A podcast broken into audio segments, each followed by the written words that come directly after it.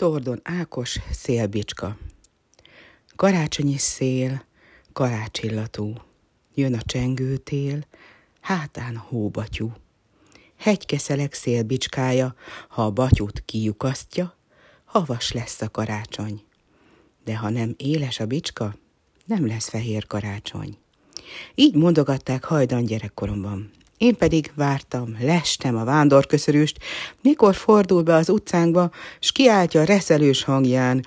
Itt a köszörűs, a köszörűs!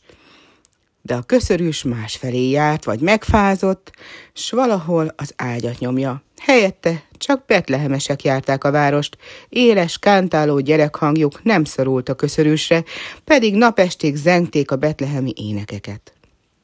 Állj közénk! Segíts garas gyűjteni! kértek a kormos bajszú pásztorok. Bárány himlőbe esett boldizsárunk, jó királyunk.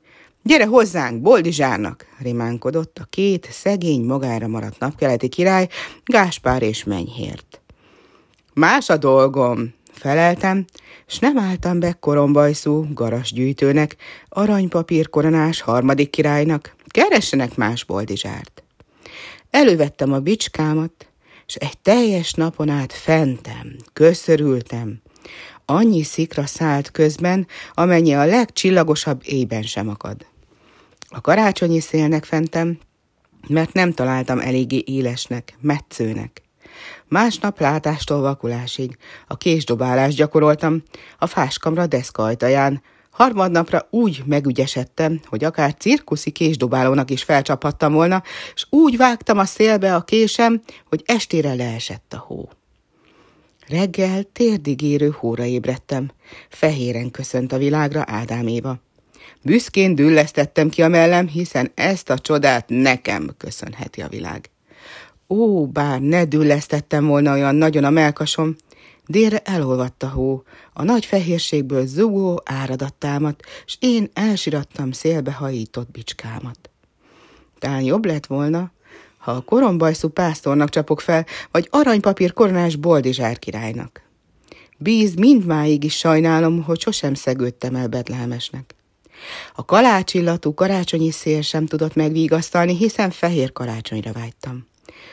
Bánatomat, csak egy gyertyafényes karácsonyest fújta el, és a fekete karácsony fekete éjszakáján olyan havas világot álmodtam, hogy még húsvétkori száncsengők csilingelésére az csengett bongott a fülemben.